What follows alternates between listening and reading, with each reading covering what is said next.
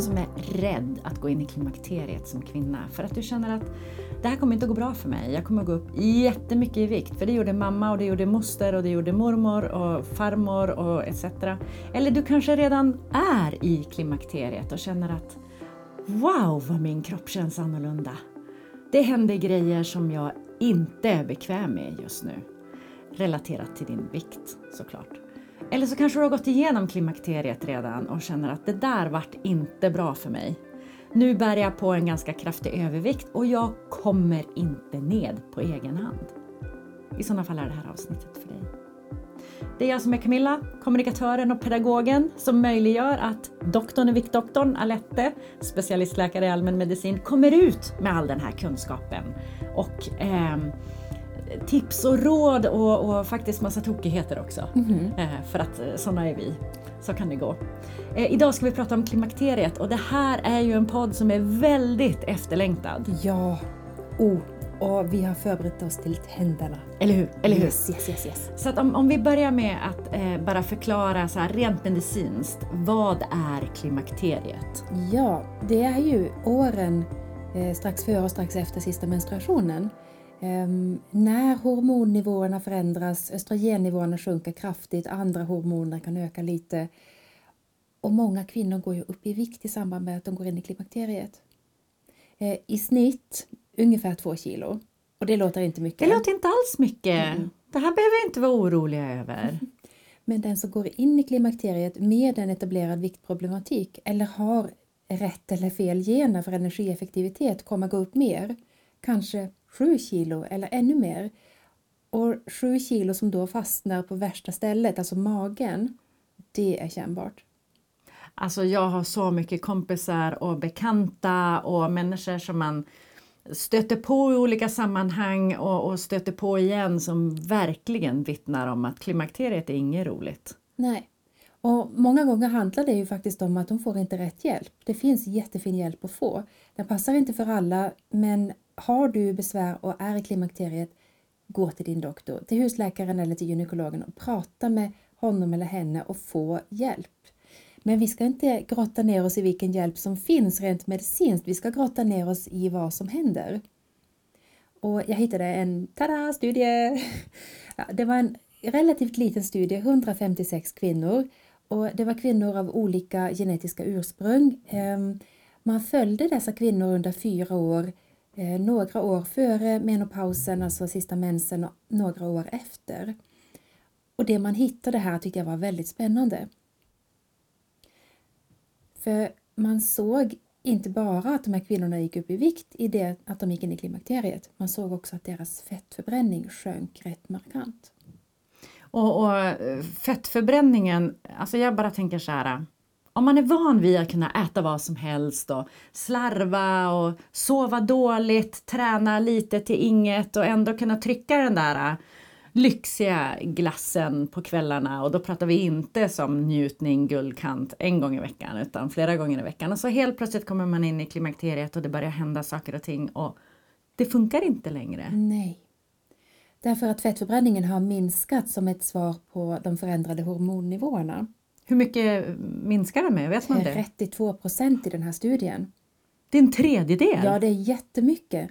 Och det som var så häftigt var att man samlade de här kvinnorna, ehm, man mätte deras eh, energiomsättning i en rumskalorimeter. Sa jag det rätt nu?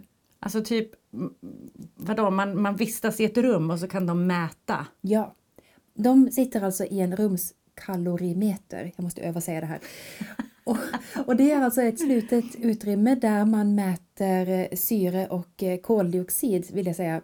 Um, och Beroende på syreförbrukningen så kan de alltså mäta hur många kalorier den person som är i rummet har använt. Det är ju superhäftigt! Det är väldigt häftigt. Och sen naturligtvis, de skickar dem på DEXA-röntgen för att ta reda på var sitter fettet och hur mycket fett har de här kvinnorna? Och det gjorde man ju då både före klimakteriet och efter att de hade kommit in i klimakteriet. Och du kan säkert redan gissa vad som händer.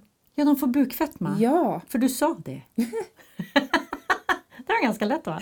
Men då tänker jag så här, spelar det någon roll hur de här kvinnorna band fett innan klimakteriet? För jag tänker, vi kvinnor är ju antingen såna här supervärderare, binder lite överallt. Andra har fokus på rumpa och lår. Eh, vissa binder ju på magen direkt oavsett ålder och absolut inte har kommit in i klimakteriet. Såg man någon skillnad på det här? Eh, precis, det är ju den här äppel och päron, päronformen där päronformen är att föredra. Eh, nej, man såg att kvinnor oavsett hur de var polstrade innan fick mera fett på magen. Mm. Och det är den här klassiska muffintoppen när man klär på sig sina bästa jeans och så bara väller det över på toppen och så känner man liksom bara nej, jag måste ha nya byxor. Och vi har ju redan diskuterat ett knep för muffintoppar. Det var ju avsnittet om kläder va? Ja. Ja. Men det är också häftigt när man tittar på djurstudier och följer råttor som man plockar bort ovarierna på och ser vad händer med råttan. Den går också upp i vikt. Så när man tar bort eh, livmoder, äggledare, liksom det som är Äggstockar. äggstockarna, bara äggstockarna. Mm, jag tror det var det de gjorde här. Ja, okej. Eh, men det är där hormonerna produceras, Ja, eller hur? precis. Så att då får man en annan hormonellt påslag i den här stackars råttan. Ja, stackars råttan blev inte glad. Den började äta mer. Mm. Eller alla råttor som behandlades på det här sättet åt mer. Och deras aktivitetsnivå sjönk också. När du säger aktivitetsnivå, pratar vi då om eh, rörlighet eh, i allmänhet eller sex i synnerhet? För det är ju också lite sådär allmänt känt att kvinnor i klimakteriet kanske inte riktigt har samma sexlust. Ja, nej, precis. Nej, men jag tror inte de här råttorna hade någon... eh, Jag tror inte de var gifta råttor. De Utan hade ingen, ja, man behöver inte vara gift Nej, kan nej, jag säga dig. Men eh, de hade ingen möjlighet. Så De det var hade- inte det vi pratar om. Jag har faktiskt ingen aning. Men, men, men jag tror, så som jag läste studien så uppfattar jag så att de rörde på sig mindre. Jag förstår. Det kan man göra på många sätt. Absolut. Men de åt mer och rörde på sig mindre. Ja. Och när de här råttorna fick östrogentillskott, ja vad tror du hände då?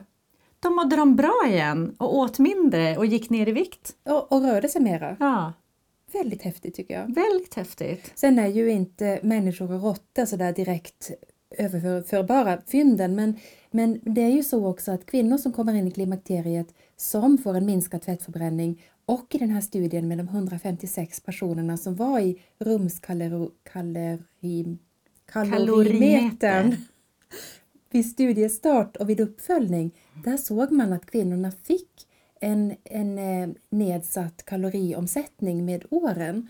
Och eh, jag tycker det är så häftigt att det ändå finns syntetiskt östrogen att ge människor och att de då får tillbaks en del av den hormonprofil de hade innan. Mm. Och att de mår så mycket bättre, men också att det har en viss effekt på eh, aktivitetsnivån och fettförbränningen. Ja, och jag menar i den här podden fokuserar vi naturligtvis på vikten eftersom det är Viktdoktorns podd. En tredjedel sänkning Mm. av fettförbränning. Ja. Det är inte att leka med. Nej, det är inte att leka med. Och det är ju därför jag träffar de här kvinnorna som säger att ja, jag var normalviktig fram till 50 och sen hände det någonting. Och när jag gör en djupintervju med dem, då kommer det ju fram att det här är ju kvinnor som har varit högpresterande hela livet. De har haft fantastiska arbeten, de har haft familj och hus och hem och landställe och diverse. De har inte haft någon mycket tid över till sig själva. Nej. Jag börjar ana att vi är eh, inne på ett spår här. Mhm. Vilket spår kan det vara? Att kvinnor, att vi inte tar hand om oss själva, vi sätter oss själva sist. Visst är det väl så va? Jag kan bara tala för mig. Jag är jättedålig på att göra någonting annat än att ta hand om mitt arbete och familjen. Eh, nu behöver jag till exempel beställa linser. Det har jag behövt i ja, två, tre veckor. Har jag gjort det? Nej. Eh, men eh, det får helt enkelt bli när vi stänger av den här kameran och mickarna. Men det kommer du inte Då heller ska att jag ske. påminna dig vet Ja, du. det är jättebra om du påminner mig för att annars så eh, har jag lite svårt att se när jag inte kan ha glasögon. Men, nej, men jag tänker att det, det handlar väldigt mycket i, om att eh, man behöver öka fokuset på sig själv. Faktiskt ta hand om sig själv. Ja, det handlar om att ta hand om sig och faktiskt sätta ner foten och säga ja, jag har tusen saker att göra. Men nu tänker jag gå en promenad eller nu tänker jag åka på min yogaklass eller nu tänker jag faktiskt göra någonting som bara är för mig. För att stress ökar vikten, klimakteriet ökar vikten, det är att aldrig ta hand om sig själv, det ökar garanterat vikten. Och eh, en sån enkel grej som man faktiskt bara går ut och får lite luft Gärna när det är ljust innebär ju faktiskt att man rör på sig, man sover bättre på kvällen när man har fått dagsljus och musklerna har någonting att göra och det påverkar fettförbränningen positivt. Inte så att man kan träna sig smal för att vår kropp blir mer och mer energieffektiv när vi sätter igång och tränar som galningar. Det vill säga det går bra i början och sen så går det mindre bra och sen så fastnar man då på en platå när man känner att jag gör ju allt jag kan, varför har jag fastnat? Och det är ju det de här kvinnorna också berättar för mig när de kommer. Det, de säger att jag har gjort allt, jag har tränat, jag har ätit bra, jag har följt den ena dieten, jag har gjort si, jag har gjort så. Och det kanske funkar en kort period och sen går jag upp allting plus. Och när de då kommer till mig och har gått upp sina 20 kilo, här är det inte tal om 2 eller 7 kilo, men 20, 30 eller i värsta fall 40 kilo, då är det kvinnor som är desperata för att de behöver en effektiv hjälp. Och eh, vi på Viktdoktorn ger ju dem den här hjälpen. Ja.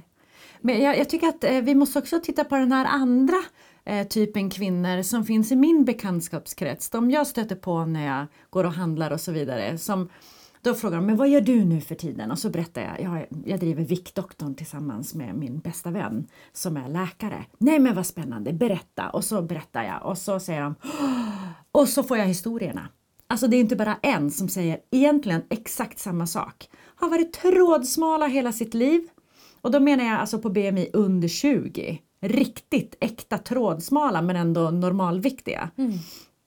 Det har inte så vitt jag vet varit någon ätstörningsproblematik som har tryckt ner vikten utan de har liksom bara generna för att vara väldigt, väldigt slanka.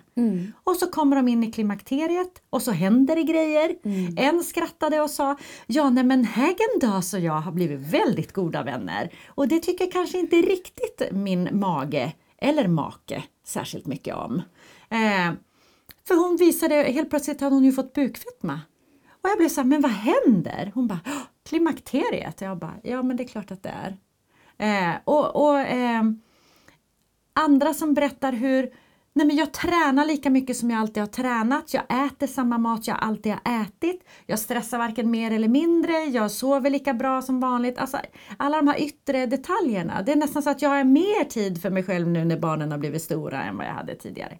Och jag går upp så mycket i vikt. Och särskilt efter pandemin när man då kanske inte har setts som vanligt utan mest pratar på telefon och sådär. Följer varandra på Facebook. De här kvinnorna lägger ju inte ut nya bilder på sig själv. Nej men du förstår inte gumman, säger han till mig. Jag har gått upp 13 kilo senaste året. Det är över ett kilo i månaden. Och jag sitter helt i chock för att detta är en av de här trådsmala personerna som jag har känt i ja, 20 år. Och, och då gäller det ju för en sån kvinna att lyckas stoppa där och helst backa. Ehm, och lyckas stoppa en viktökning är inte lätt och lyckas backa den är ju ännu mer komplicerat och svårt. Och det handlar ju om att hjärnan är så inställd på överlevnad och vill ta tillvara varenda kalori som vi faktiskt vill bli av med. Kombinerat då med klimakteriet, ehm, med det här mönstret som du beskriver och det faktum att fettförbränningen har minskat med 32 procent och det har de ingen aning om. Nej. Nej, det är katastrof faktiskt. Men vad det handlar om då, det är att vi ska helt enkelt börja titta på ett, vad lägger jag min tid på? Springa runt så att, att försöka lösa saker och ting för alla andra jobbmässigt, familjemässigt, vänmässigt. Eh, ja, men jag måste fokusera mer på mig själv. Ja. Men sen handlar det också om att, att börja äta mer hälsosamt. Mm. Och inte trycka den där äh, lyxiga glassen eller vad det nu är allt Nej, för ofta. Utan faktiskt- unna sig ibland men inte jämt. Ja, och faktiskt ta sig tid vid måltiderna och lägga upp en portion och njuta av den i lagom takt. Inte sjukvårdsäta maten, det går till så här. Och så springer man. Och det kanske var så man gjorde i skolan också. Ja, alltså vi har väl alla sett de här olika nyhetsmediernas eh, beskrivningar av hur det har varit för vårdpersonal under pandemin. Att de inte ens har kunnat gå på toaletten för det har inte funnits tid. Eh, äta än mindre liksom. Alltså vårdblåsa är ju ett begrepp. Det är en blåsa som har minst 6 deciliter kapacitet, ibland 8, ibland ännu mer. Ja, det här med detaljer och vårdpersonal.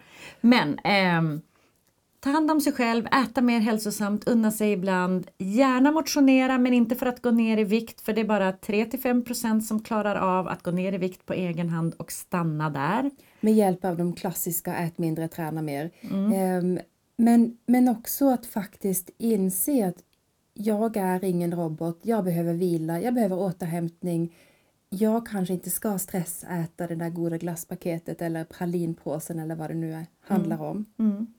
Så att om vi lämnar den biten av klimakteriet och så går vi över till hormonerna för mm. att hormonerna spelar ju oss också spratt. Ja. Eh, och kanske inte bara östrogenet utan det finns ju flera hormoner som kommer i vad, vi kan kalla det för en, en helt annan balans eller inte balans överhuvudtaget när vi går in i klimakteriet. Kan du berätta lite om det? Eh, ja, hormonmönstren förändras på flera sätt. Vi får ju ett lägre östrogen såklart. Ehm, vi, vi får också ett högre FSH, follikelstimulerande hormon. Och här skulle jag ju önska att jag vore gynekolog och kunde liksom bla bla bla bla bla bla bla. Det är inte jag. Så jag, jag ska inte gå in på det för mycket. Men de här hormonella rubbningarna vi upplever påverkar inte bara vikten och humöret men det påverkar ju sömnen, mm. det påverkar håret, mm. det påverkar huden, det påverkar skelettet, det påverkar muskelmassan, det påverkar hela människan. Så att man kan egentligen då säga att eh, vi kvinnor har våran peak någonstans runt 30, där är vi vackrast. Och sen blir vi rynkigare, vi får tunnare hår, vi får bukfetma. det låter så jävla deprimerande. Men vi får annan hårkvalitet. Ja, man får färre hårsäckar och man kan också uppleva att man får en grövre struktur på det hår som man har. Så tar man varit spikrak i håret hela vägen fram till klimakteriet så kan man bli lite mera eh, lite mer talgaktig i håret, det här lite tjockare eh, Visst kan man få krulligt hår också? Ja. För jag har vänner som har fått det. De ja. bara, var kommer det här ifrån liksom? Men det är hormonrubbningar i klimakteriet. Ja. Och jag satt en gång med en kvinna som var jag tror hon var i 80-årsåldern. Och det var så himla häftigt för att hon hade sagt nej varenda gång en doktor hade försökt att ta bort hennes östrogentillskott. För att förr i tiden så gjorde vi det ganska mycket. Vi tjatade och tjatade och vi sa så här, nu har du haft det här i sju år, nu är det dags att sluta. Och hon bara, nej, det kan du fetglömma. Och hon hade lyckats behålla sitt östrogen mot alla odds och hon kom till mig och såg ut som en kvinna som var 15 år yngre och hon hade ett fantastiskt hår. Och hon drog sin hand genom håret och sa Ja, mitt fantastiska hår har jag att tacka mitt östrogen och den rör inte du lilla vän, sa hon till mig. och, och, nu är det faktiskt så att man säger till kvinnor att har man bara ett östrogentillskott i en låg dos, alltså den dos som är lagom för den kvinna som vi, vi har framför oss, så kan hon få bestämma själv hur länge hon vill ha det tillskottet. Förr har man varit väldigt rädd att ge hormontillskott, för mm. man tror att Eh, det var kopplat till väldigt många negativa aspekter. Men med moderna hormontillskott så är de väldigt lågdoserade. Exempelvis ett plåster på 100 eh, mikrogram är att jämföra med en tablett på 2 milligram. Ja, det är jättestor skillnad. Ja. Så att eh, håret förändras. Håret... Och sen pratar du om huden. Ja. Då tänker jag rynkor, ja, kollagen. kollagen. Alltså vårt vårt fantastiska kollagen som står för elasticitet och den fylliga vackra huden, det, det förändras och det minskar. Mm. Men det är också en påverkan på huden i underlivet där slemhinnan också blir tunn vilket ökar risken för urinvägsinfektion. Och en förändrad slemhinna i underlivet kan faktiskt förändra underlivsanatomin. Att man får problem med sammanväxningar i underlivet och så. Och är det då så att du inte tål östrogentillskott för hela kroppen så finns det också lokala östrogentillskott som kan hjälpa för dig att få behålla din anatomi. Mm. Och apropå anatomi, du sa också någonting om muskler. Mm. Muskelmassan minskar ju med så, klimakteriet. Och därför i sig är det viktigt att fortsätta träna. Ja, det är döviktigt, förlåt uttrycket, men det är jätteviktigt. Och och det är också viktigt med tanke på att man ska upp, upprätthålla sin balans. För balansen försämras med stigande ålder och en dålig balans medför risken att man ramlar och sen ligger man där med brutet någon handled eller höftled eller, eller ja, någonting. Mm. Och skelettet förändras ju också i klimakteriet där vi går ifrån att vara något sånär stabila i skelettet till att bli lättare och lättare i skelettet år för år. Alltså skörare. Ja. Och där har faktiskt östrogentillskott en, en stor nytta. Mm. Så att inte bara blir vi då eh, tjockare, vi, blir, eh, vi får tunnare hår, vi blir rynkigare och svagare. Alltså det är dåligt helt enkelt. Jag tycker att vi hoppar över klimakteriet helt. Det känns inte som någonting jag vill vara med om. Men förutom då att, att man kan ta östrogentillskott eh, så är vi tillbaka till att ta bättre hand om dig själv. Prioritera dig själv lite mer varje dag än vad Ja. du gör idag. Ja. Så kommer det här att gå mycket, mycket bättre. Ja, All right. Eh, har vi missat någonting? ja det har vi säkert.